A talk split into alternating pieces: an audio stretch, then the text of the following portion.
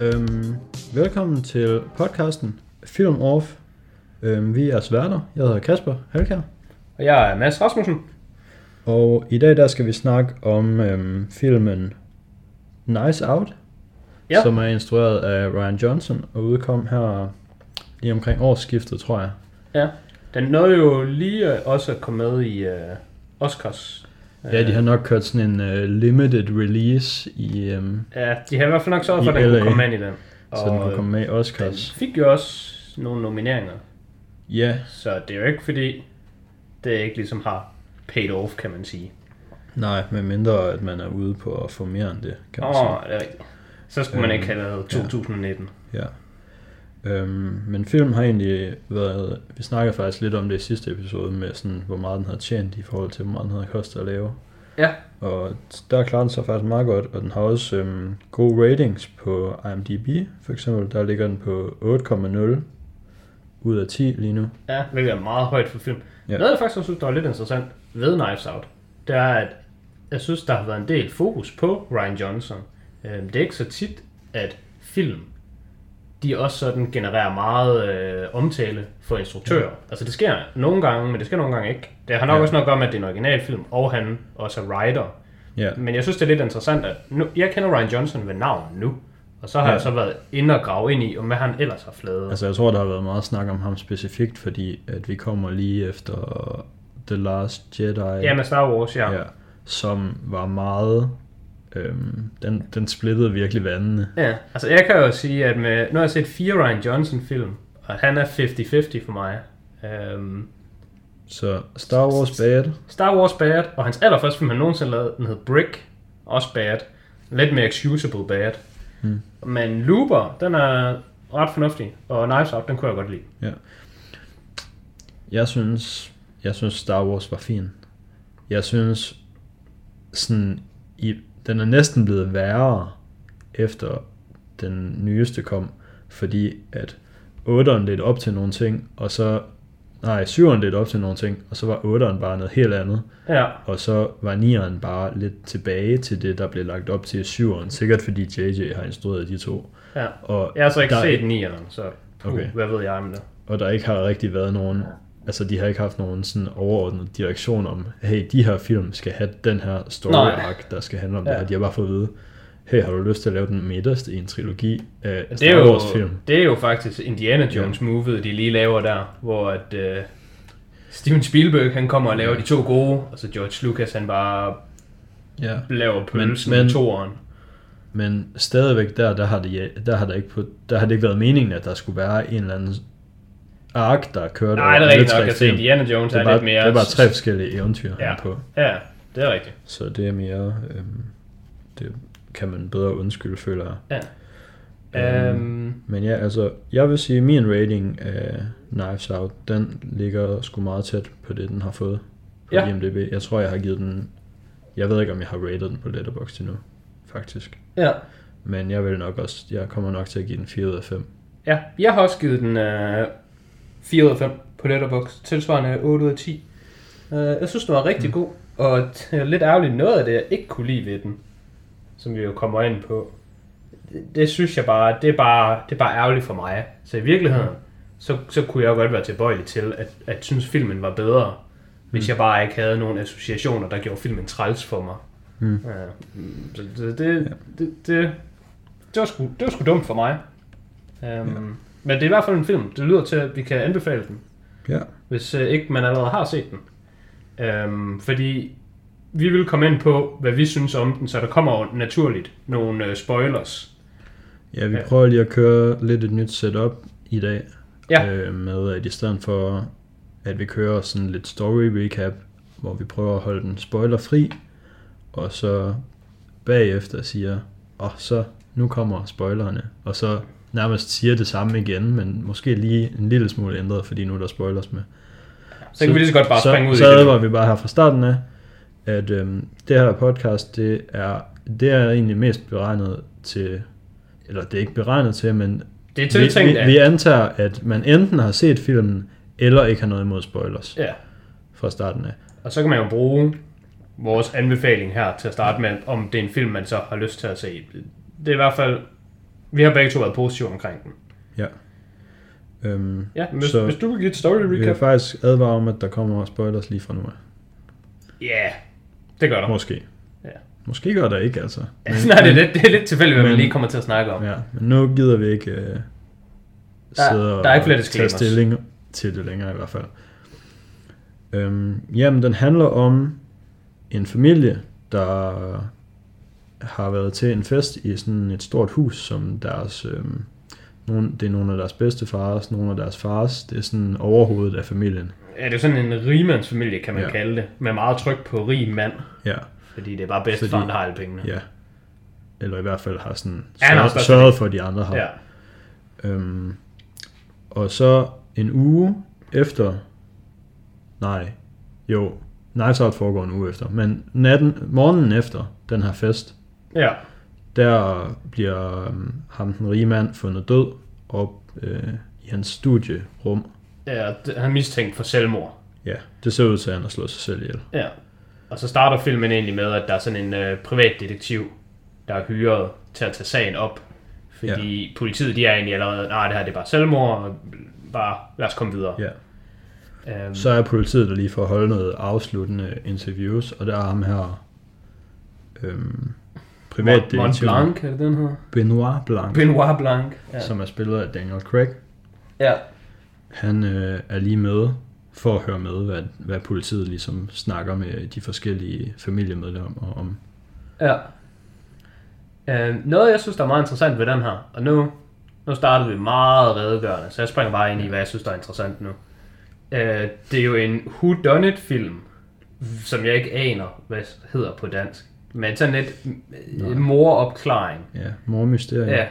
Ja. Øhm, og de plejer jo som regel at omhandle, at man starter, ligesom vi har- har startet, øh, som vi har fortalt om nu, sådan starter filmen som regel. Og så filmen går ud på, at man skal finde morderen, eller man skal ligesom opklare hele det her scenarie. Ja. Men jeg synes, der er virkelig øh, spændende, og det, der, der gjorde filmen så god for mig, det er, at meget tidligt i filmen, så får vi egentlig bare forklaret, hvad der er foregået. Ja. Så får vi bare at vide, når man han døde sådan her, og det skete sådan her, og det var på grund af det her. Ja. Og det, det ændrer totalt dynamikken, fordi så i stedet for, at man sidder og tænker den klassiske, uh, the butler did it, ja. så du ved det hele, men der, der er alligevel et puslespil, der skal lægges sammen. Så det, det er en ny måde at lægge puslespil sammen, det synes jeg, det var virkelig spændende.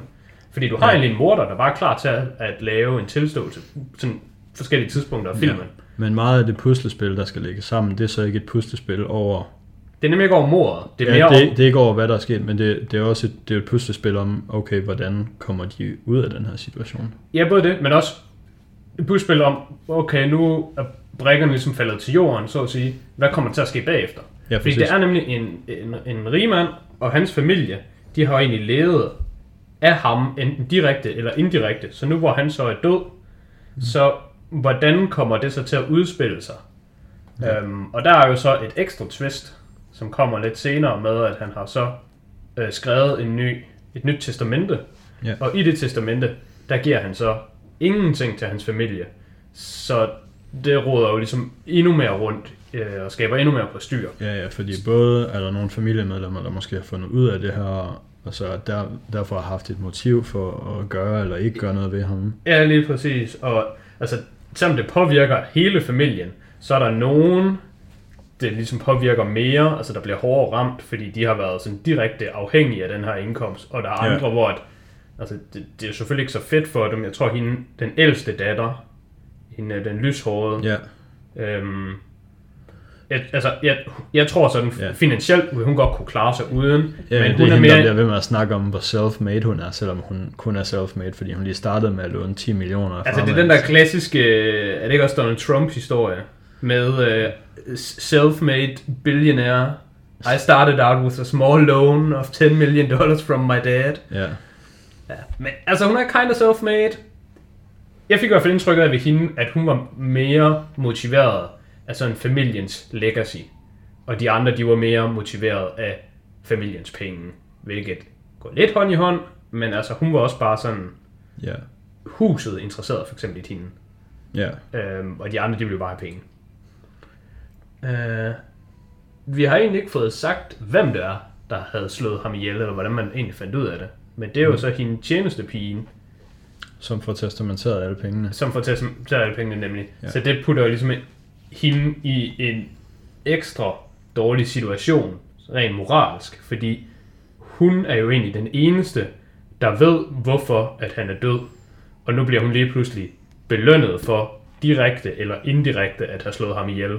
Ja. Afhængig af, hvad man lige synes, hun havde gjort. Ja, fordi altså den måde, han, han dør på, det er ved, at øh, hun er ved at give ham hans normale medicin, han skal have hver aften. Ja. Og så øhm, tror hun, hun kommer til at give ham Ja, hun taber noget- flaskerne. ja, sådan noget 50 gange så meget morfin, som han må få. Ja. Så hun tror, han er ved at dø af en overdosis, og det vil ham øh, rigmanden ikke have, fordi det er meget skidt for hende, så mister hun jo alt, og hun kan ryge i fængsel, så hun får slå ham ihjel. Ja. Så han tænker bare, om jeg slår bare mig selv ihjel, før jeg dør af overdosis, Ja, og så er du jo bare in the clear. Hvilket jeg synes, det var egentlig, altså det er egentlig en ret sjov måde at tænke på, fordi, Ja. Altså det er jo rigtigt, men altså, der var en lille ting ved det, jeg tænkte, da jeg så filmen, der at, altså jo, det er rigtigt, at du kan da bare slå dig selv ihjel, før du overdoser, sådan din sygeplejerske ikke sådan får skylden. Men når du er død, så laver de jo sådan alle mulige former for tests på dig, og det er jo stadig i din krop. Så Ja. okay, det var ikke dødsårsagen, men de har da fundet det alligevel, og så er det jo stadigvæk... Det er jo ikke fordi, det forsvinder, tror Nej. jeg. Jeg ved ikke noget om det. Men jeg antager, at, at der vil komme sådan alle de der blodrapporter og sådan noget, og, ja. og så... Ja, ja, det var jo også det var et plotpunkt. At de Det var nemlig et plotpunkt der var i de filmen. der rapporter på et tidspunkt. Ja. Øhm, og det tænker jeg nemlig under i filmen, hvor jeg jo sådan lidt, er lidt halvfjollet det her. Men så kom de tilbage til filmen. Eller i filmen kom de tilbage til det. Så synes jeg, det er mega fedt. Jeg er ret skeptisk, når jeg ser film.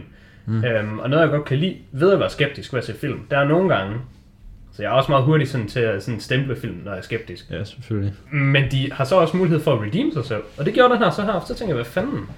Nu var jeg allerede sådan trukket et point fra mentalt. Men nu har I ikke bare tjent det point. Nu har I fået et ekstra ved mm. at sådan... I overraskede mig rent faktisk positivt. Det synes jeg var rigtig fedt, og det, det gjorde filmen egentlig ret ofte. Med at, at der var nogle ting, jeg synes, at ah, den her, den går sgu ikke helt. Men så var der bare, så gik den sgu alligevel. Der var virkelig tænkt meget over alle detaljerne.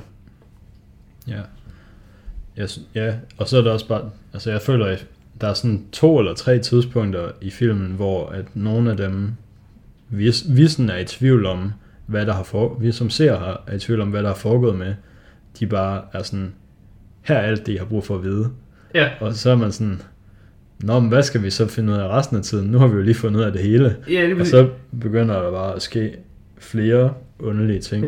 Noget, som jeg nemlig rigtig godt kan lide, ved, faktisk, det er, den synes jeg er ret god pointe. Nogle gange, når, jeg, når eller ikke nogle gange, faktisk altid, når jeg ser sådan nogle film, hvor mm. det er, at jeg forventer, at der er twists, og det er meningen, at, at du skal blive overrasket og sådan noget. Jeg synes altid, du ser en film med en anden tankegang, når du forventer, at der sker noget. Det, er- det, det er lidt det, der er gået hen og blevet problematikken, synes jeg, for øh, M. Night Shyamalan Ding Dong. Mm. Fordi når du ser hans film, så tænker jeg bare fra starten, når du bare ude på at fuck med mig, så nu ved jeg bare, hvordan jeg skal tænke. Og der ødelægger du det lidt for dig selv. Øhm, der synes jeg, det var rigtig sjovt i den her. Så giver det bare al informationen. Og så tænker du, jamen, hvad så nu? Var det bare forkert information? Men det var Ja. det ikke. Nej, nej. så de bare sådan, her er det hele. Ryan Johnson, han er også sådan en rigtig subvert expectations kind of guy. For eksempel, hvis man havde expectations om, at Star Wars ville være god, så bliver man lige subvertet der. Det er... Altså, der er han i det mindste consistent. Der er han sådan, at Star Wars, det er en rigtig banger. Psych. Ja. Nå, vi har været ret positive omkring den. Jeg har noget negativt til Knives Out. Og det er Mm. sådan... Nu, vi har også talt meget løst om helt vildt mange karakterer. Vi har ikke fokuseret så meget på karaktererne endnu, men der er sindssygt mange der er i. Så nok derfor, vi taler så overordnet om det, fordi det er næsten svært at tale om en, uden at tale om alle. Men Ja. jeg synes, den, den, man i hvert fald kan starte med at tale om, det er jo Benoit Blanc. Fordi jeg ved ikke, om man skal sige, at han er hovedpersonen, eller om det er tjenestepigen, der er hovedpersonen. ja. Men det er jo ligesom Benoit Blanc, der sådan driver det hele. Um, jeg synes sgu ikke, at Daniel Craig han gjorde det særlig godt. Jeg synes, han var Hmm. Altså, det var ikke hans skyld. Jeg synes, han er en fin skuespiller. Men den direction, han har fået, det gav et rigtig dårligt udfald for mig. Hmm. Og den første næsten time, eller et eller andet, hvor jeg så filmen, der kunne jeg bare ikke finde ud af, hvad det var, der sådan... Altså, det gik bare sådan. Og, hvad hedder sådan noget? Altså, det gik mig virkelig, virkelig meget på, at der var et eller andet over ham, men jeg kunne ikke finde ud af, hvad det var. Mm. Og så på et tidspunkt, så sidder han ude i sådan haven, og sidder sådan lidt skjult, og der er sådan en skygge. Ja. Og så siger han til hende der tjenestepigen, der kommer ud, så overrasker han hende sådan et eller andet med at sige sådan, My father taught me, og så et eller andet pis. Mm. Og da han sagde det, der ramte det mig bare instantly, at Daniel Craig, han spiller ikke Benoit Blanc. Daniel Craig, han spiller Kevin Spacey, som spiller Frank Underwood i House of Cards udgave af Benoit Blanc. Mm. Og det var, det var det, der gik mig på. Det var, at jeg så Daniel Craig hele den der første time, og egentlig også den efterfølgende time, men det var noget andet, der kom op i mit hoved. Jeg tror, hvis man har set House of Cards, Ja, altså nu har jeg ikke set House of Cards, så jeg har ikke helt den samme sådan, relation, men jeg har set nogle af de der mærkelige YouTube-videoer med Kevin Spacey, hvor han stadigvæk lidt lader som om, han er Frank Underwood, men så samtidig prøver Frank Underwood at undskylde for nogle af de der ting, som han prøver Kevin sådan Spacey har gjort. han prøver lige at weasel sig udenom den Ja. der real world justice, Ja. han er på vej ind i. Bare lige være sådan, ja okay, måske har Kevin Spacey lidt voldtaget nogen, men altså jeg er jo bare Frank Underwood, så jeg kan jo bare lige sige nogle ting, og så kan det være, at folk er cool med det. Det er i hvert fald et meget mærkeligt PR-stunt, han er gang i, men det er sgu Ja. næsten også på mode i USA at lave mærkelige PR-stunts. Ja. Jeg så dem ud har jeg set, og Ja. ja. du kan godt sige dine ting først. Ja, okay. Jeg fandt nemlig ud af, hvorfor at de minder så meget om hinanden. Ja, Og det er nok bare min skyld, fordi jeg ved, jeg er dårlig til accent og alt sådan noget. Mm. Men øh, jeg ved fra at have set House of Cards, at Frank Underwood, han er fra sydstaterne, og, ja. han, og han har en meget sydstats dialekt, og han ja. Ja. er meget sydstatsagtig karikatur. Mm. Det er meningen, han skal være det i, hvad hedder det, øh, House of Cards. ja, Og så var jeg så inde og læse om Knives Out, og det var også specifikt det karakterdesign, de gik efter med øh, Benoit Blanc. Han skal sure. være sådan en overdrevet, tyk, ja. Ja. sydstats accent, der bare sådan, altså han er så, altså sådan, hvis man, der er jo mange forskellige sydstater. Den, ja. Den generelle sydstats stereotyp, det tror jeg, det er wife-beating tosserne. Jamen, det er også, det er Men hvis du er en sydstats, Ja, det er lidt en øh, sjov sådan, også expectation subversion, fordi jeg vil også umiddelbart påstå, at automatisk assumption, når man hører den slags accent, så tænker man, at det er en ikke-klog person, der taler. Ja, det er det nok. Altså, for de fleste, der er gode til accenter, jeg er så fucking ringe. Jeg så en helt australsk film, og jeg, kunne, ikke- jeg troede, den foregik i Texas. så det var rimelig, det var rimelig dårligt. Var det Crocodile Dundee? Ej, det var det dog ikke. Den hed... Jeg tror også, du har den på din watchlist. Den hed et eller andet... The, the, the, the, pre, the, the Walker. Det er et, et eller andet pis. Den er med Guy Pearce. Hvor det han er sådan en eller anden mand, der bare gør sig sur nu. Mm. Og det er som om, de lever i post-apocalyptic verden. Men det er i virkeligheden bare Australien i moderne tid, men de er bare ude så for... det er jo bare Mad Max-filmene også, eller de første, den, den første Mad Max. Det er det nok. Altså den med Me- Melly Gibby. Ja, der er jo tre med ham, men Ja. ja. jeg tror, den Jeg har ikke, dem har actual ikke første af dem. Ja, dem kunne jeg godt tænke mig at se. Mm. Øh, men i hvert fald, det var den film, jeg så. bliver lige noteret på øh, fremtidige episoder Ja. listen. The Adventure. Han hedder et eller andet lort, den der film. Og den er ikke god. Den er faktisk bare, hvis du godt kunne tænke dig at se en dårlig version af John Wick på alle fronter, så ser du bare den her.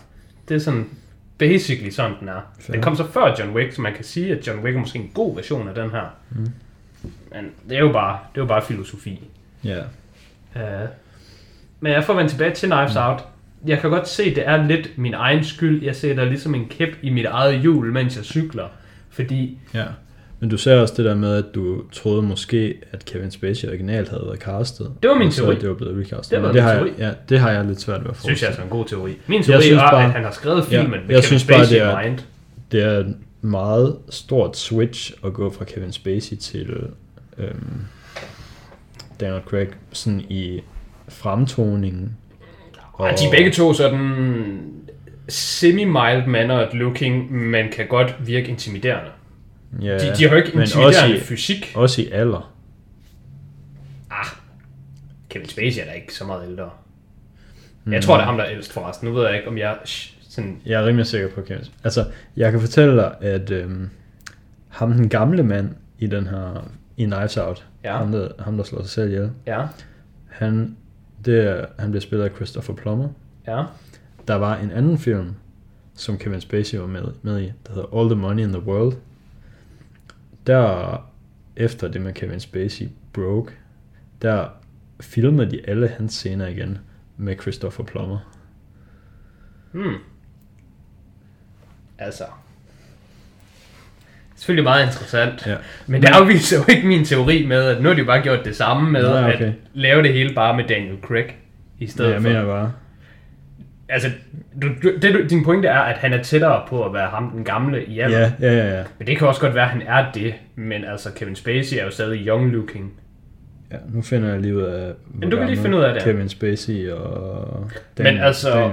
Hvad hedder det? J.K. Rowling, hun, sag, hun har jo også sagt, at dengang hun skrev karakteren Professor Snape, Ja, der forestillede hun sig, at det skulle være Hans Gruber, der skulle være ham. ja. Rip Alan Rickman, by the way. Han er altså, han er god. Uh, og det, det kunne jeg altså godt forestille mig det samme med Ryan Johnson. At han havde, hvad hedder det, at han havde Kevin Spacey i baghovedet. Som minimum som inspirationskilde. Fordi, mm, hvad hedder han, Benoit Blanc, Benoit Blanc. han er så uncanny bare det samme som Frank Underwood. Og, og det, det er simpelthen, det er ikke til at, at mis, synes jeg. Så, så det kan ikke være tilfældigt. Hvor gammel tror du Kevin Spacey er? Kevin Spacey, han er 58. Hvor gammel tror du Daniel Craig er? Og Craig, han er i hvert fald 54. Uh, da- Daniel, Jeg sagde det forresten meget selvsikkert, så jeg håber, at, at jeg Daniel har ret. han er 51. Jeg troede faktisk, han var lidt yngre end det. Jeg troede ikke, han var 50. Ah, han er over 50. Han er 51. Ja, det er han. Kevin Spacey, han er 60. Sæt med tæt på. Ja. De er ikke så langt fra hinanden, som jeg troede. Ej, det er de ikke. Ja, så det, det kan de altså godt. Den kan de sgu pull off, kan de. Resten af casting, vil jeg så lige sige, nu hvor vi taler om casting. Den Ja. var sindssygt god. Det synes jeg også. Den var sindssygt god. Jeg kunne rigtig godt lide, øh, nu kalder jeg ham for øh, den hvide Samuel L. Jackson. Men jeg tror, han hedder et eller andet med Green. Ham, der, øh, Hvem er det? der, ham, der gik med, Ham med stokken? Ja, ham gik med stok. Det var fordi, jeg, Michael Shannon? Ja, præcis. Nå, nu ved jeg, hvorfor. Green. Ja, han var så god. Det var Ja. fordi, han hed Mr. Green i den der julefilm, du anbefalede mig. Den der, øh, den der Seth Rogen og den med hashband. Anthony Mackie og ja, Hashbanden og Joseph Gordon-Levitt. Ja. Der var han Mr. Green i, og han lignede og lød og opførte sig bare som Samuel L. Jackson. Det var bare som om, de ville have Samuel L. Jackson til den film, men det fik de ikke, så de har bare brugt ham og sagt, hey, lad som om du er Samuel L. Jackson. ja. Han var rigtig god der. Jeg synes faktisk, han var, han var sgu lidt en standout karakter for mig. Jeg ved ikke hvorfor. Jeg synes bare, han var, han var virkelig, virkelig god.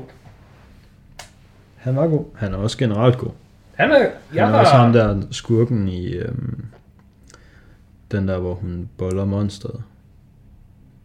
Der vandt, Nå, der vandt øh, bedste film. Ja, den der Shape of Water. Ja, Shape of Water. Der er han ham der, Når du siger sådan, monsteret, så er river, sådan... der, han er ham der, der river sine fingre efter den sådan har rådnet i øh, månedsvis. Ja, det er ham. Ja. Han er altså også god. Jeg tror, han er sådan lidt en underappreciated gem. Jeg tror, han er sådan lidt, han har lidt Joaquin Phoenix-faktoren.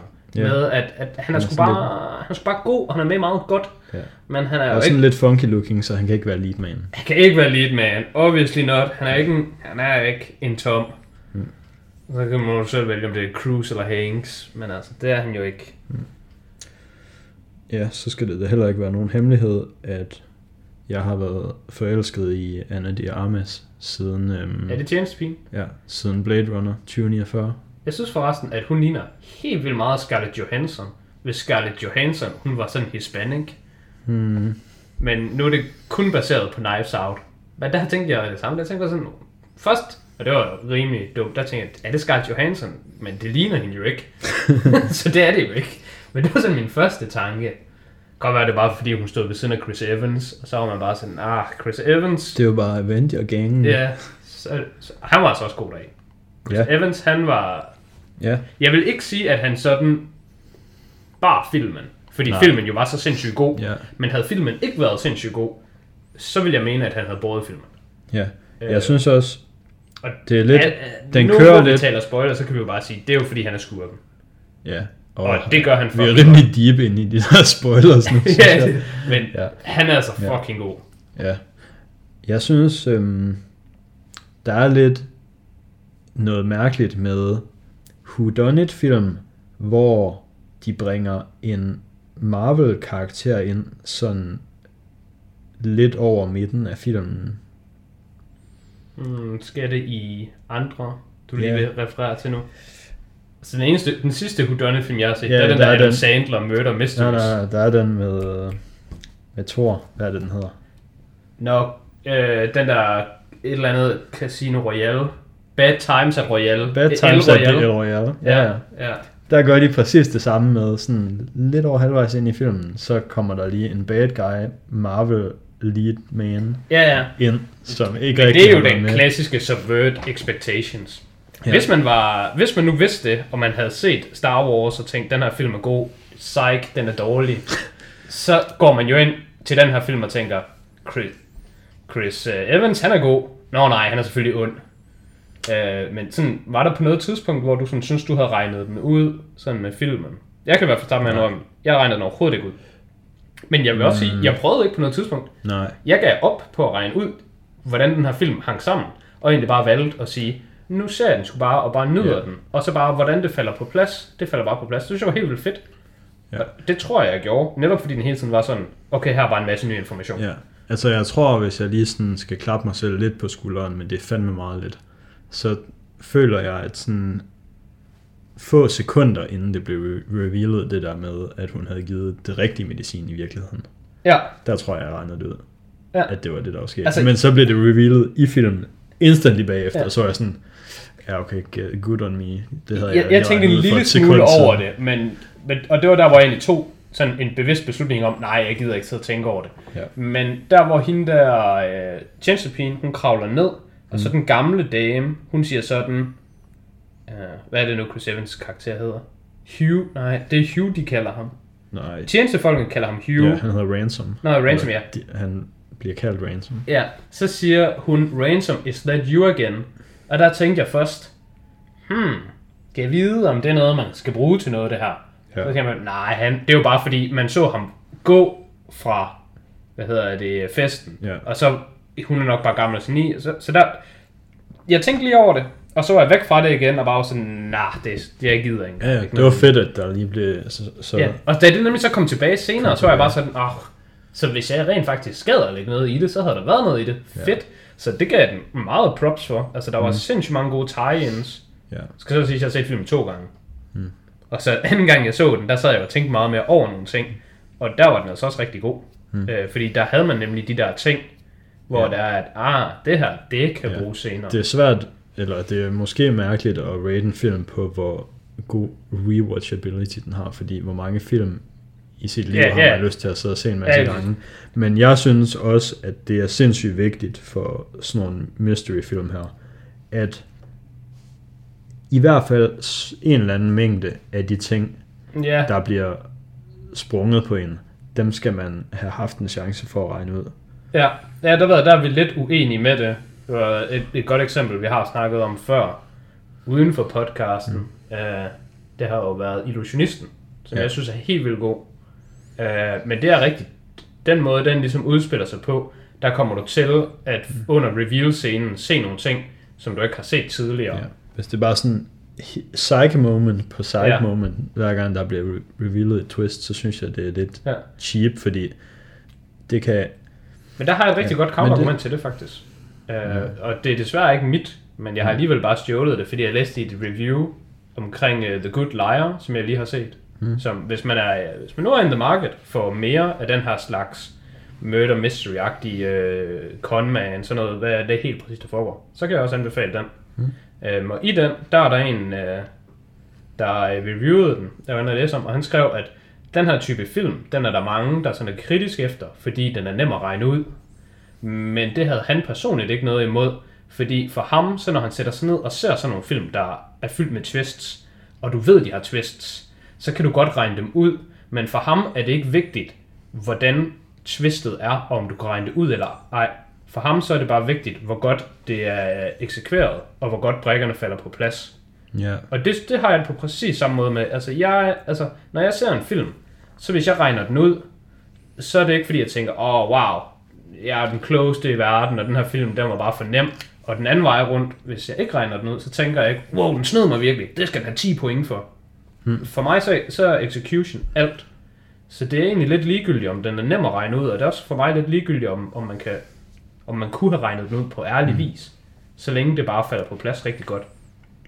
Ja. Synes jeg synes bare, der er sådan, der er et topniveau af my- mysteriefilm, hvor at Det er rigtigt, det er bare, altså, det, den får nok det aldrig ikke 10 kan- ud af 10. hvor det ikke kan nå op, hvis den bare Ja. ja. har lavet Ja, den, ene psych Ja. moments. og det vil jeg gerne give dig ret i, men derfor kan man stadigvæk Fordi... Komme meget langt. Fordi sure, en ting er, at de sådan lægger nogle hints til det, og så folk bare regner det ud. Ja, Men hvis de lægger hints ind til det, og folk ikke regner det ud alligevel, ja. så er det jo et meget federe reveal, fordi Jamen. så, tænk, så sidder folk bagefter og tænker sig selv, Nå ja, det kunne jeg have regnet ud, hvis Ja. ja. jeg bare Altså, jeg, jeg vil klogere." mene, øh, den her slags film, der, der er det rigtig meget øhm, sådan tilfredsstillelse. Sådan, mm. hvor satisfying er det, ja. Ja. når alle brækkerne falder på plads. Og der tror jeg, du har ret, at når alle brækkerne falder på plads, hvis alle brækkerne har været til stede hele vejen igennem, så er det bare mere satisfying, end hvis der lige, når det her puslespil, du prøver at samle, det kunne ikke gå op, fordi du mangler to brækker indtil nu. Ja. Men dermed ikke sagt, altså et puslespil er stadigvæk bare satisfying, når det falder på plads. Ja. Men det er også bare derfor, at jeg synes, den gode version af Illusionisten, The Prestige, Ja, bare er på et niveau, som Illusionisten ikke har nogen mulighed for nå, fordi at den, dem, der har lavet filmen, har valgt, at den skulle være på en anden måde. ja. Ja, men det er også rigtigt. Jeg ærger mig bare over, at jeg ikke synes, at The Prestige er så god, som jeg godt gad, at jeg synes, den var. men jeg ved, jeg, jeg tror måske bare nogle gange, jeg er for dum til den. Eller mm. også så er den for simpel til mig. Eller også så er det en kombination af begge to. Det er, sådan, det, er, det er enten den ene eller den anden. Det er lidt ærgerligt. Uh, men altså, skud til Christopher Nolan selvfølgelig. Han, Han er- han har ikke lavet en dårlig film. Nej, det har han ikke. Har du set The Following? Øh, ja, det har han. Den er faktisk god. Det er, hans, det er hans første film. Den er, faktisk, ja. den er faktisk rigtig god. Den er, den, den, at se The Following, som Christopher Nolans første film, mm. og så bagefter se Ryan Johnsons Brick, som hans første film, så tænker man, Jamen, det er også det. Jeg Wow. synes, det var en lidt sjov parallel, fordi det er begge to ja, writer-directors, der er sådan... ja. og det, de er working på insanely low budget og sådan noget, men. Ja. altså, The Following er mega interessant, og den er god, fordi øh, hovedpersonerne i The Following, det er voksne mennesker, så derfor kan de gøre ting, der er realistiske. Mm. Sådan min pet peeve med, øh, og, og det er det, som Brick falder rigtig hårdt på, det er det sådan en high school drama in- investigation film. Mm. Sådan noget lidt eller Riverdale eller sådan noget. Jeg ved ikke lige, om du har set det. Eller fandme Nope. øh, Pretty Little Liars. Og Nope. sådan alt, alt det der, hvor man bare tænker, det er jo bare noget bras, det her. Altså, den korte det lange, der, det er sådan en film, eller serie, der handler om, at det er high school folk, der er i gang med at opklare mord og fucking uh, drug-related crimes. De laver alt muligt pis. Men i virkeligheden, så er de jo bare fucking 15 år og går i high school. Udover i virkeligheden, så er det jo 28-årige, der spiller 17-årige. Men det er bare så urealistisk, fordi ja. Ja. det er sådan, hvorfor er den her high schooler altså, i, i Brick, der er der en high schooler, der er fucking drug lord, og der er en anden high schooler, der er sådan efter ham og prøver at regne det hele ud. Mm. Og man er bare sådan, det her pis, det køber jo ikke en skid. Altså, drik nu din fucking æblejuice, og så tag i skole. Altså, det er jo dit liv. Så det er lidt lame. Man skal have noget fra, fra juiceboxen. Jamen, det siger jeg nemlig, fordi der er en scene der i, hvor den lige redeemer sig selv, hvor moren kommer ind til ham, der er druglorden, og siger, hey, vil dine gæster ikke have noget appelsinjuice? Mm. Og det er ret sjovt, fordi det putter det lige ind i, at real, jo, ham her, der leger politimand, ham her, der leger druglord, og ham her, der leger gangster. Altså, det er jo bare fucking fredag eftermiddag, og din mor kommer med en brikjuice til jer. det er rimelig grineren. Det er meget sjovt, men ellers så er den lame, udover det. Ja. Men... Knives Out? Nå ja, det var den, vi snakkede om. Knives Out. Ja. øhm, vi har lige snakket om skuespillet deri, Ja, og det var overall det var på et højt niveau. meget godt. Højt niveau. Der er Ja. også nogle forgettable karakterer. Ja, altså, De udover... politimænd, de var sådan lidt whack. Jeg synes faktisk, ham, den mørke af dem, var god. Ja, al- altså jeg ved godt, hvorfor de var der, og jeg synes også, han var god, øh, sådan karaktermæssigt. Mm. Og altså, det er også lidt unfair at sige, at han var whack, I guess, fordi grunden til, at dem, der var gode, var gode, det var, fordi de fik mere tid til at shine, såsom Chris Evans karakter. Ja. Og politimændene, de var der meget lidt. Men jeg ham den mørke af dem, han var der jo, for at være os inde i filmen. Han var ligesom seernes opfattelse af den her film. Det var i hvert fald min tolkning af ham. Altså han, han spurgte de ledende spørgsmål, som vi ville spørge, hvis det var os, der var der, så vi kunne få de svar, vi gerne ville have. Det synes jeg, det var meget fint. Det, var en, det, er en, det er en god måde at præsentere information på til sit publikum, uden bare at give det direkte. Ja, Sådan noget, det kan jeg ret godt lide. god exposition. Men altså, man kan sige sådan en som Walt Thromby, som var Michael Shannons karakter. Han, fik Ja. ja. han, han stod ud, selvom han ikke havde så meget screen time. Så det er jo ikke nødvendigvis Nej, det er rigtigt. en undskyldning for karakterer med lidt screen time, Nej, at de ikke stod ud. Men det er måske, Men det er mere, det er måske mere en overperformance fra ham, end det er en underperformance fra nogen. Ja, det var Der er jo ikke nogen, der underperformer. Nej. Også svært med en film, der har så mange karakterer. Det, det er jeg generelt imponeret af. Mm. Jeg kan rigtig godt lide film, der har rigtig mange karakterer. Og jeg hader film, der har rigtig mange karakterer. Fordi det er altså sådan en, hvor der er, det er enten hit eller miss. Ja. Den, den, når, når der kommer for mange storylines og for mange forskellige interesser ind over det samme, og ind over forskellige ting og sådan noget, så Ja. man holde sådan tungen lige i munden. Fordi du vil gerne have sådan opmærksomhed Ja. til dem alle sammen. Men jeg tror men også- den bliver også bare ja. naturligt fordelt. Ja, jeg tror på en måde, at det var en god beslutning i, på den måde, Ryan har valgt at skrive den her film på, med at vi får at vide ret tidligt, hvad det egentlig er, der er sket. Fordi så derfra oven, så kan vi, Man bruger ens energi på så kan vi fokusere vores opmærksomhed ja, på øhm, Martas historie, ja. frem for at så hører vi lidt af hendes historie, så skal vi lige kigge på en af ham, den gamle mands sønner, og så skal vi sidde og tænke, Nå ja, var det måske ham, der gjorde det? Hvordan kan han have gjort det? Hvorfor havde han lyst til at gøre det? Ja. Det behøver vi ikke rigtig tænke over, fordi at vi ved, hvem der gjorde det. ja. Ja, så, så man flytter sin, sin ja. Fokus på noget. Nu har du nævnt Martha, kommer Mm. til at tænke på noget andet, som jeg også synes var lidt negativt ved filmen.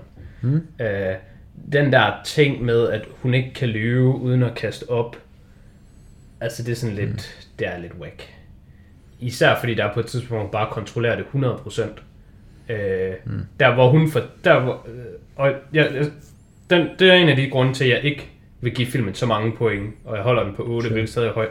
Men, men der i slutningen, hvor der er, at hun lige bliver ringet op af hospitalet, ja. Og får at vide, at Fran er i live, så siger hun til Ransom, at Nå, det var hospitalet, der ringede. Ja. Jamen, Fran er i live, og så går der rimelig lang tid, før mm. hun kaster op. Mm. Det synes jeg, det var lidt dårligt, og jeg har en helt vildt nem løsning til den. Mm. Det, man bare skulle have gjort, det var, at Benoit Blanc, han skulle bare have instrueret en af de der år på hospitalet, fordi man ser dem over på hospitalet. Ja. Han skulle bare instruere til en af dem til at sige, øhm, når jeg sender dig en sms, så skal du ringe til det her telefonnummer og sige, Fran er i live. Mm. Og så inde i hele den der Det scene... behøver ikke engang være en af dem på hospitalet. Nej, nej, det går bare være en anden. Altså, han skal Det var bare... anyone. Det kunne anyone. Det kunne bare være politimanden. Han, det, det kunne bare være ham selv. Og så kunne han lige have en anden accent, en Frank Underwood accent. Ja. Men så havde det nemlig været sådan en oprigtig... Han kunne bare være sådan, hej, hej Martha, det her er James Bond. Jeg vil Hun gerne. kunne bare have været James Bond, for eksempel. Det havde nemlig gjort det meget bedre, fordi så Martha havde nemlig sagt, når Fran er i live, og hun havde også, ja. Hvad hedder det, hun havde også sagt det på en mere troværdig måde. Ja. Det er nemlig den anden ting, jeg ikke kan lide ved den scene. Den scene er nemlig sindssygt vigtig for filmens slutning. Fordi de har ikke rigtig noget på Ransom. Nej. De vil bare gerne have ham til at indrømme det. Og den eneste grund til, at han indrømmer det. Ja. det er fordi, at han tror, Fran er i live. Og grunden til, at han tror, Fran er i live, er fordi Martha kan ikke lyve, og det er hende, der giver ham historien. Mm. Så nu, tror, nu, han inde, nu ved han, at han er slået. Og hele det her setup, det forstår man kun, hvis man har set filmen. Ja. Men synes du, hun var utroværdig, da, han fortalte, da hun fortalte det til ham? Nej, det var hun nemlig ikke. Hun, var, hun, Okay. hun sagde nemlig bare, Fran er, er i live, Okay. og jeg synes ikke, hun virkede... Det var bare, at du sagde det der med, at hvis det var ham, der havde ringet og fået nogen til det, så havde hun virket mere troværdig, da hun sagde Lige det. præcis. Ja, fordi så har hun jo ikke lovet. Okay, så det var Det- troværdigt over for os som ser, og ikke troværdigt over for Ransom. Begge dele. Fordi hun lyver jo. Ja. Hun får en opringning, der siger, hej, Martha. Fran er Præcis. død. Præcis. Så lægger hun på og siger, hey forresten, Ja. ja. Fran er i live. Du må give mig ret i, det er nemmere at fortælle om Ja. en Ja, ja, ja. handling, der er sand. Altså nu vil jeg lige skulle se scenen igen, men jeg synes og mindes, at man, at hun struggler lidt der. Men det Ja, er måske, måske. mig, der gerne vil huske det. Ja, det, sådan husker jeg hende ikke. Og, og det er jo også et fortolkningsspørgsmål. Mm. Men lad os sige, hun, hun så struggler mm. lidt. Det skal hun jo ikke. Hun skal jo ikke struggle lidt om, hey, Fran er i live, gode nyheder, mega fedt. Jeg tror, det du tænker på, hun, hun, hun er sådan lidt anger. Hun er, hun er lidt sur. Hun er sådan lidt, that's the hospital. Yeah, Fran is alive. Det, det er mere sådan, hun leverer den. Hvilket mm. også er godt. Men det er, jo en, det er jo en kæmpe risiko, Benoit Blanc han løber, ved at lave det på den her måde. Fordi hvis Nå, Martha, han bare... Benoit vidste jo ikke, at hospitalet ville ringe lige der. Gjorde han? Det tror jeg. Jeg er ret sikker på, at... Nu kan det være, det er mig, der husker forkert. Men jeg er ret sikker på, at det er ham. Han, jo, jo, jo. Han har orchestrated det sådan. Han har fået sat det op til, at de ringer til Martha. Og han havde fortalt Martha, at når telefonen ringer, så skal du sige, Fran er i live. Det tror jeg ikke. Ja, det tror jeg. Det tror jeg var hun selv. Det hun selv fundet på. Det er jeg næsten Jeg tror også, det sikker er på. hende, der har givet sit, hendes, hun har selv givet sit nummer til hospitalet. Mm, jeg er næsten sikker på det andet. Men det kan selvfølgelig være, at jeg fejl. Lad os Hmm. sige, at jeg ikke tager fejl. Vil du så ikke give mig ret i, at så er det lidt skidt? Fordi så Jo, banker hvis han det, på hvis det, ja, ja, hvis det er hans, hans, hans Sådan som jeg husker det, hvis ja. det er hans, hans move, det er, Ja. at hospitalet ja, ringer til sure, hvis Martha. det er Benoits nummer, og han bare har lavet det dårligt, så vil jeg give dig fuldstændig ret i, at Ja. så kunne han jo bare have gjort det bedre. Lige præcis. Men det kunne jeg ikke huske, og er ikke sikker på, Okay. at det er det, der er tilfældet. Det kan være... Øh, må lige... Må lige slå det op. Lige se det. Hmm. Jamen altså... Hvis, hvis det ikke er som, hvis jeg tager fejl, så er det jo... Øh, så er det selvfølgelig ikke skidt. Så er det, så, så er det eneste, der er skidt ved det, det er, at hun bare lyver og kan holde opkastet tilbage Ja, i, i en lang nok tid, til det lige passer. ja. Og der synes jeg igen bare, vi er ude i, når, hvorfor skulle hun overhovedet lyve? Altså, jeg ved godt, altså lyve, hmm. er det bare at sige noget, der er straight forkert? For det er jeg jo ikke enig i. Hvis du siger noget, du tror er sandt, så Ja. lyver du jo ikke. Nej, Du har bare forkert information. Nej. Jeg synes, scenen ville have fungeret, uafhængigt af, hvordan det nu er sat op.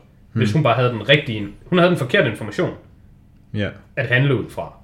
Ja. Fordi så havde det hele været meget mere kontrolleret. Og jeg føler ikke, scenen er kontrolleret. Og det føler jeg, at det tager noget af magten fra Benoit Blanc med, at det hele, det bare går op i en spids, og nu er det bare perfekt. Ja. Det er rigtigt. Så det var, det var noget af det, der, der trak lidt ned for mig i hvert fald. Ja. Ja, så havde jeg tænkt på, at det er jo en måde at fikse den specifikke scene på, men nu sagde du også, at du ikke kunne lide det med, at hun bare har det der at hun brækker sig. Ja, ja. Øhm, Det er sådan lidt noget så, så, altså- det kunne man, man, Men kunne, det- man, kunne fikse det på, det. man kunne fikse det på andre tidspunkter i filmen, ved Ja. at Benoit, han kan bare, hun har et eller andet til, som han kan se, Ja. at hun Men lyver. altså, jeg kan også godt acceptere... Nå, men det skal også være ved de andre, fordi ja, hun bliver præcis, også præcis. Det, Hun det, bliver det, også sådan sat under pres af Ransom, dengang de er ude og snakke. Og det er ikke fordi, at jeg er kæmpe modstander af, hun kaster op. Det er bare sådan lidt goofy, og det er sådan lidt fjollet. ja. Og jeg kan godt, jeg kan godt købe det i det her univers, at sådan er hun bare. Men Ja, jeg vil et det eller er andet sted ønske, at relevant. det havde været bedre. Men det er nemlig, det er nemlig mega det er relevant for filmen. relevant plot point, og Ja. der bliver sådan arbejdet udenom det på forskellige måder Ja. et par gange. Ja. Også det der, hvor hun får at vide, Ja, hun lyver også for Benoit Blanc på et Ja, tidspunkt i bilen. får- Og så kaster hun op ned i den der fucking... ja, men også bare der, hvor hun får at vide af den gamle mand Harlan, hvad hun skal sige, når politiet øh, afhører hende. Der får hun en masse rigtige ting at vide, Ja, hun skal sige i den rigtige rækkefølge, ja, for at få det til at lyde som om, at hun ikke ja. var sammen med ham, da han Ja. døde. Men jeg synes nemlig også, at det er rigtigt. Altså, det, det gør filmen meget interessant, at hun har den her ting, som Ja. hun så skal overkomme på en eller anden måde, mm. og noget, der er ret nemt at bruge mod hende i et sådan, hvad kalder man sådan, web of lies spil, de har gang i. Jeg vil Ja. bare ønske, at det kunne have været gjort sådan, på samme måde bare bedre. Men jeg har ikke rigtig noget forslag. Nej. Men ja, du har ret i, det er sådan, det er lidt goof, Ja, det er sådan lidt, men også, måske er det bare fint. det er okay. Ja. Øhm, så kan det være, at vi skal snakke om sådan, hvordan filmen ser ud. Ja. Ikke fordi, jeg synes ikke, der er så meget at sætte en finger på der.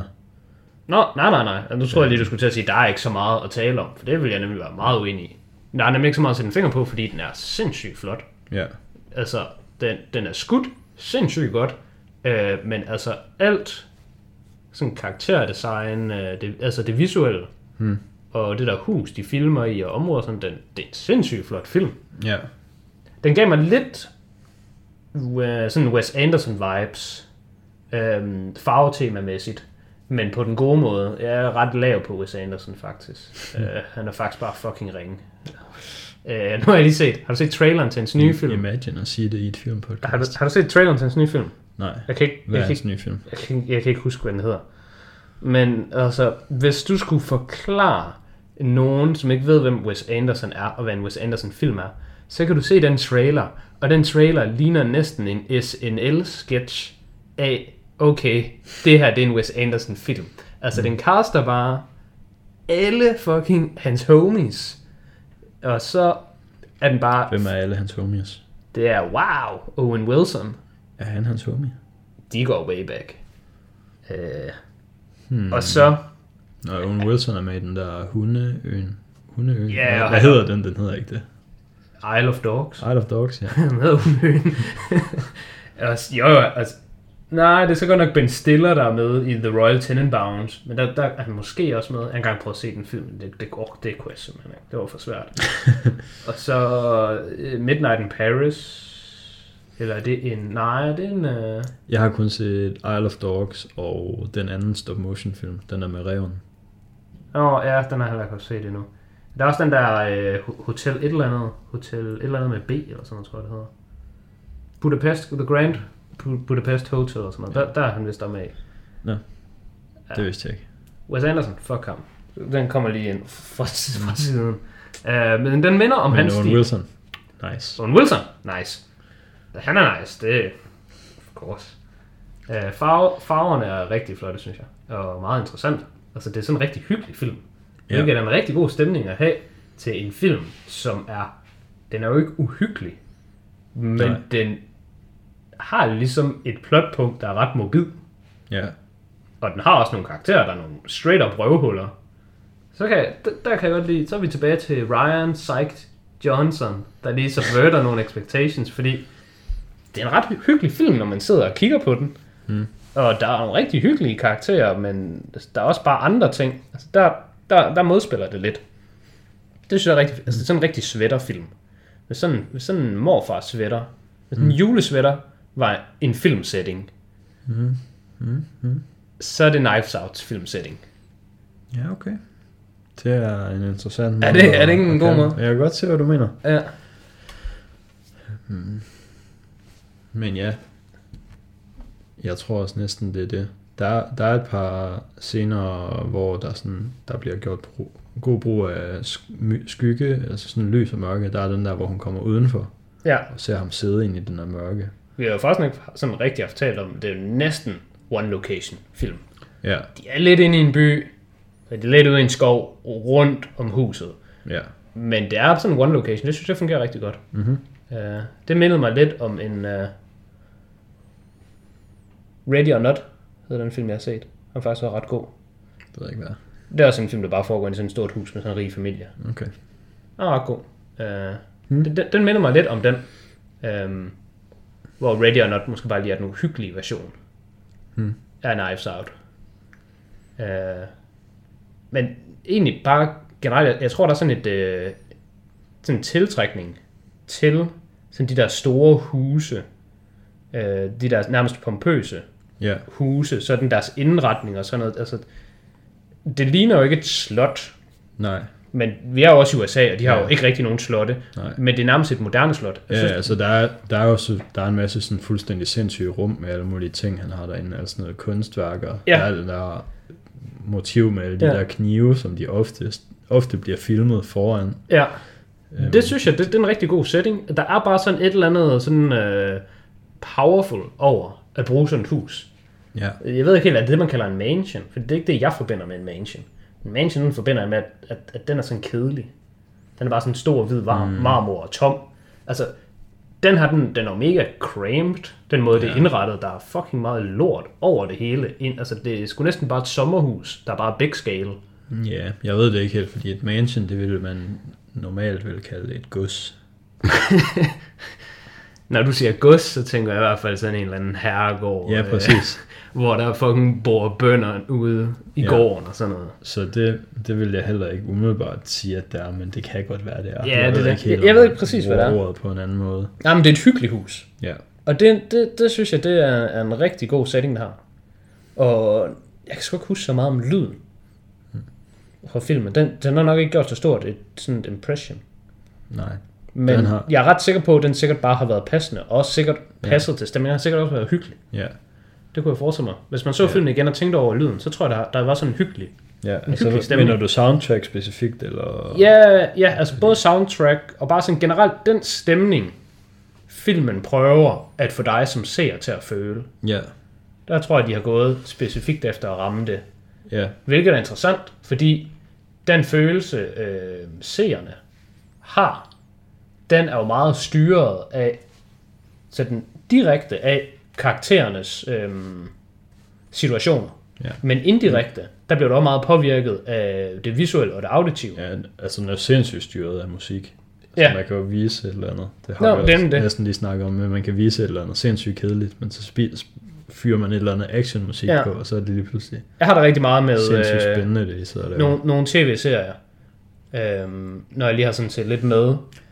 Der, der er nogle scener, hvor jeg bare tænker, nå, det her det er jo bare noget lort, der foregår, men de spiller bare lige en eller anden, øh, noget fedt musik i baggrunden, og så er det hele bare fly. Ja, det, det kommer jeg egentlig først til at tænke over nu ved Knives Out, at kan jeg vide, om det ikke har været en bevidst beslutning. Fordi øhm, altså, det, det er meget high stress situationer, Martha er i. Og Ja. mange af dem er i. Altså, det, der er virkelig meget pres på. Mm. Og, og altså, det kunne godt være sådan lidt en, hvad hedder det, sådan en nerve-wracking type film at se. Ja. Men det er der overhovedet ikke. Det er en virkelig hyggelig film at se.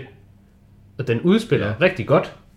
Men jeg tror, du kan tage samme plot og samme historie, mere eller mindre, og så bare lave den om til... Jeg ved ikke, hvad en thriller er, sådan specifikt.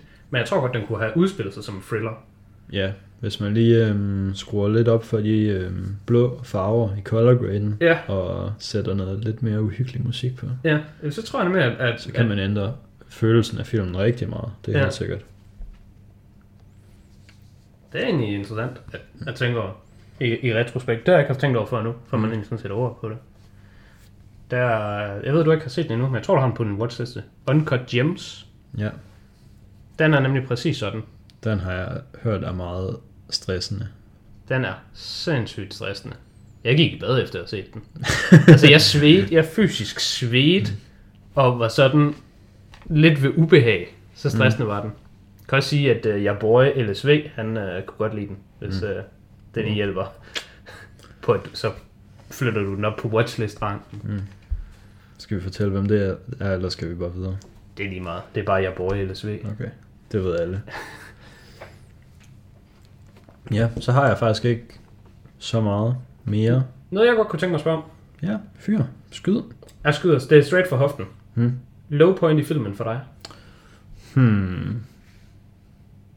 For vi har jo givet samme rating. Ja. Og jeg synes, jeg lyder mere kritisk end dig. Hmm. Så nu vil jeg gerne uneven the, the score. Medmindre vi har good cop, bad cop going on selvfølgelig. Det ved jeg ikke. Du kan godt lave det nemme at sige, at du er enig med de ting, jeg sagde. Har du sagt, du har ikke sagt low point heller? Har du? Øh, jo. Ah, okay, jeg sagde ikke specifikt. Det der er low point, end quote. Men Okay. hele den der scene, hvor det er, at Martha, hun Nå, bliver okay, ringet sure, op, Sure, fair. der var jeg sådan lidt, ej, Ja. ej, hvor er det ærgerligt. Stadig godt, men ikke perfekt. Ja. Men det kan også bare være nogle karakterer. Jeg ved, at der er nogen, der har været kritiske af ham, der er den unge dreng, som er meget, meget lidt med, og som egentlig bare fyrer nogle one-liners afsted, mere eller mindre. Og hans eneste rigtig Han er plot-relevans... der sidder og spiller pik ud på lokummet. Eller Lige præcis. Ham er der nogen, der ikke kan lide. Nej, ham havde jeg ikke rigtig øh, tid til at udvikle et forhold til, føler jeg ikke. Jeg synes faktisk, han var fin. Jeg synes, hvis man fjernede ham, så havde det været dårligt. Jeg synes, hende der... moren, som havde taget sin øh, Ja, datters pengene. universitets- Ja. eller studie, studiepenge. Hende, der var influencer. Ja, Hun var terrible. fuldstændig forfærdelig karakter. Ja, men det var jo meningen, hun skulle Ja, være. præcis. Så, Så det er det- svært at sådan... Ja, Altså, jeg synes, det var kinda nederen, når jeg skulle se på hende, men det var jo også meningen, at de andre karakterer også skulle synes, hun var nederen. Så her, her bliver jeg også lidt overfladisk. der foregik jo det, der skulle. Hun var altså castet godt. Og sikkert også make-up og resten godt. Ja. Men hun lignede altså en rigtig Karen. Ja. Hun lignede sådan en, hvor man bare tænkte, hold, hold nu kæft. Hvorfor skal hende her altid bare være... Hende her, hun lignede bare en, der lider af kronisk utilfredshed. Ja, Det kunne du bare se på hende. ja. Hun manglede lige et eller andet redselsvækkende haircut, så var Ja, det. jeg er helt enig. Hun skulle lige have haft et eller andet hår, Men der ja. bare var helt galt. Men ja, det var måske mit low point, når jeg skulle se på hende. Men jeg kan godt jeg sympatisere synes- med hendes inklusion i filmen. Jeg synes, hendes datter var værre. Fordi hendes datter var bare kedelig. Ja, Hendes datter var bare sådan, altså gå nu væk, du er jo ikke interessant. Hende her var i det mindste interessant, fordi at du forstod hende. Du kunne ikke lide hende, men du forstod hende. ja. Datteren var bare sådan, jeg ved ikke noget om dig. Altså, hvorfor er du her overhovedet? Har du ikke college eller hvad? Altså, tag- tag nu bare afsted. Hun, hun virkede bare som om, at hun kom lige ind. Jeg er også med i filmen. ja. Og det, hendes eneste rigtige scene, det var der, hvor hun skulle manipulere. Med sådan, hey. Ja. Og så, guess det hun var der for, var, at hun vidste lidt om Martas personlige liv. Så hun kunne lige sådan fortælle det til de andre. stikker Ja, hun kunne lige være sådan en stikker. Men altså, det kunne en anden jo også bare have vidst. Så jeg ved ikke. Ja, okay. Som er high point. Hmm. Der er også bare film, der er bare solid hele vejen igennem. Så det er fair nok at have high point og low points. Ja, men jeg synes ikke, den er sådan sindssygt... Det er ikke lige frem sådan, at der er Jeg kunne rigtig godt lide scenen, hvor... bjerge Øh, krater. jeg kunne rigtig godt lide scenen, der hvor øh, Ransom, Hmm. han tager Martha med ud, og de sidder og spiser. Ja, den er god. Og de sidder og snakker der. Den synes jeg er helt vildt god. Og den scene er sindssygt god. Fordi du ser den to gange. Og når du så ser den anden gang med Benoit Blancs, øh, hvor han taler, hvad hedder sådan noget, voice over. Ja, altså var der, den- der hvor vi har fundet ud af, Ja, at øh, der var den Ransom også sindssygt god. Ja. Ja. Der, altså den scene var bare god, og så kom man tilbage til den, og så var den bare virkelig god. Det var, det var helt klart mine high points i filmen. Der, der skulle sgu, øh, det var bare sådan, fordi første gang vi er der, der falder alle brikkerne på plads. Hmm. Men de falder på plads på en forkert måde, men på en rigtig måde i forhold til, hvad vi ved. Ja. Og når vi så vender tilbage dertil, så falder de fandme på plads igen, men på den rigtige måde, Ja. i forhold til, hvad vi ved nu. Så det var sygt fedt. Ja. Jeg ved ikke om, altså jeg har måske ikke så meget et specifik, en specifik scene, der er et high point, men jeg synes, det er et high point for, for filmen og for måske genren, at de vælger at gøre det der med bare at spill the beans mega Åh, tidligt. ja. Det kan man helt klart godt have som high point. Ja. Det var altså fedt. Det var altså fedt bare at få det hele at vide. ja. Fordi så sad man bare der og var sådan, Ja, hvad, Hvorfor- hvad, hvad er resten af hvorfor, filmen nu? hvorfor fik jeg alt det der at vide? Kigger på mit ur, når der er en time tilbage. Hvad skal vi bruge Ja, den en time på? og 40 eller sådan noget. Det er Ja. meget tidligt, du får det hele at vide. Ja, Ja, helt sikkert. det tror jeg var mit high point, Ja. hvis jeg skal udnævne et. Ja, ja. Mm, vi har jo været inde på ratings, Ja, men afslutningsvis så kan vi lige komme ind på det igen. Jeg tror, jeg vil holde fast på min, øh, min 8 ud af 10, men problemet er jo, at jeg lød sådan lidt for sikker i min sag med den der scene, hvor jeg mener altså, det er Hmm. Benoit Blanc, der ligesom får det hele til at passe sammen, og at ja. hospitalet ringer. Jeg synes, sagde han ikke noget til en politimand inden? Sagde han ikke et eller andet med sådan, make sure they call her? Jeg, jeg er sådan, sådan 99% sikker på, at... Fordi hvorfor skulle de overhovedet ringe til Martha? Hvorfor er det Martha, de ringer til? Bare det var for hende, Nå, det det var- var hende, der havde Fran med ind. Ja, ja, de var oppe på. Det kan godt være. Mm. Men heldigvis så er det ikke alt for afgørende. Det var fordi hende, der fandt hende og ringede Ja. til hospitalet og alt det der. jeg husker Fordi det jo. hvis du finder ud af, at det var den anden vej rundt, ryger den så op på en 9 eller hvad? Nej, det, er nemlig, det, det, gør det nemlig ikke, fordi Præcis. den, den scenen er, er allerede semiskidt i forhold til, at, at uanset hvad, så har de jo valgt, at Martha bliver ringet op og får at vide, at Fran er død, og så skal hun fortælle det. I stedet for, de skulle bare have haft en eller anden, uanset hvad der sker, ringe hende op og sige, hun er i live. Ja, Men så er det bare... Jeg vil faktisk godt lige vende lidt tilbage til den scene, fordi så får, hvis vi siger, at Martha er hovedpersonen i filmen, Ja. så har hun ikke rigtig sådan et character moment her til sidst.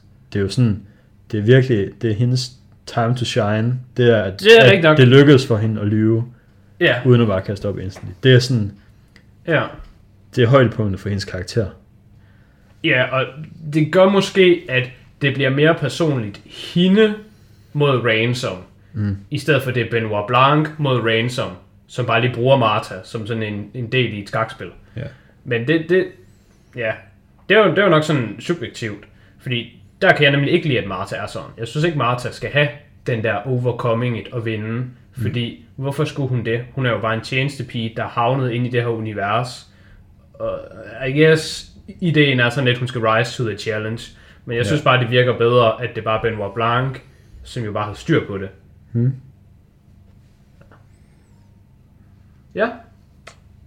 God film. Ja, 8. 8 er, 8 er fint. Åh, det er fint. Har vi noget til næste gang? Det har vi vel ikke. I hvert fald ikke, hvad jeg lige kan komme på. jeg ved ikke lige. Har, jeg har tænkt på, om du havde hørt, at øhm, de har snakket om at lave en mere. Nå, ja. Nice Out 2. Ja. Som jo så nok bare bliver Daniel Craig Daniel Craig plus et nyt og, og scenarie. et nyt cast, ja. Ja. Det kunne det jo fint være. ja. Så skal du lige øh, distancere dig selv fra Kevin Spacey. Ja. øhm, Sammen med resten af Hollywood. ja. Jeg, ved, jeg ved ikke... Jeg ved ikke engang rigtigt, hvad det er, han har sådan gjort i detaljer. Men altså, jeg synes, det, det er sgu lidt ærgerligt, fordi jeg kunne også godt lide ham som skuespiller. Men han har helt sikkert også gjort noget fucked, så han fortjener jo ikke en karriere. Men det er bare ærgerligt. Nå, Kevin. Ja, Kevin.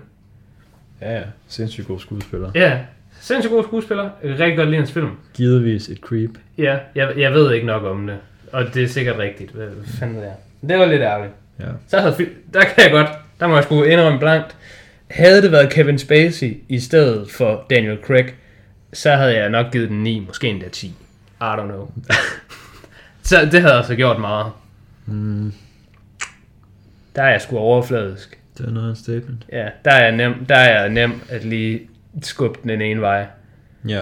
Men det er det jo også, altså forestil dig, at det ikke var Daniel Craig, der var Ja. hovedpersonen her, men det var fucking, hvad ved jeg, altså, John Travolta, eller Gary Busey, eller... Ja. Men der synes jeg også, det er fair nok at kunne distancere sig selv, eller distancere, hvad folk har gjort fra, hvordan de er i en film. Nu er det mærkeligt at komme ind på det her i et review af Knives Out, Ja, fordi der ikke er nogen af de karakterer med, men altså, jeg synes da, alle film med Tom Cruise er super, ja. selvom Så at han er han jo er en psykopat. psykopat Scientology guy. Det var også, hvis man skal vende tilbage til film, og Oscars, så lige tie in. Så øh, den der, hvad hedder den, Rock and Roll Anthem 2, eller sådan noget, tror jeg den hedder. Det er den, den sang, som de spiller i Joker, hvor han går ned af, hvad hedder det, trappen, den der ikoniske dansescene, Mm. som er en fucking god sang. Den sang er vist skrevet af en eller anden... Jeg kan ikke huske, om han er sådan... Voldtægt, eller børnepornografi, eller voldtægt af børn, et eller andet meget sygt, som han sidder i fængsel for. Og han sidder bare får royalties for Joker-filmen. Mm. Men altså, det er stadig en god sang. Så hvad gør man der? Ja. Den kan man lige tænke over. Det er lidt filosofi lige at slutte af med her. Ja. Så vil jeg sige uh, tak, fordi I lyttede med. Tak for det.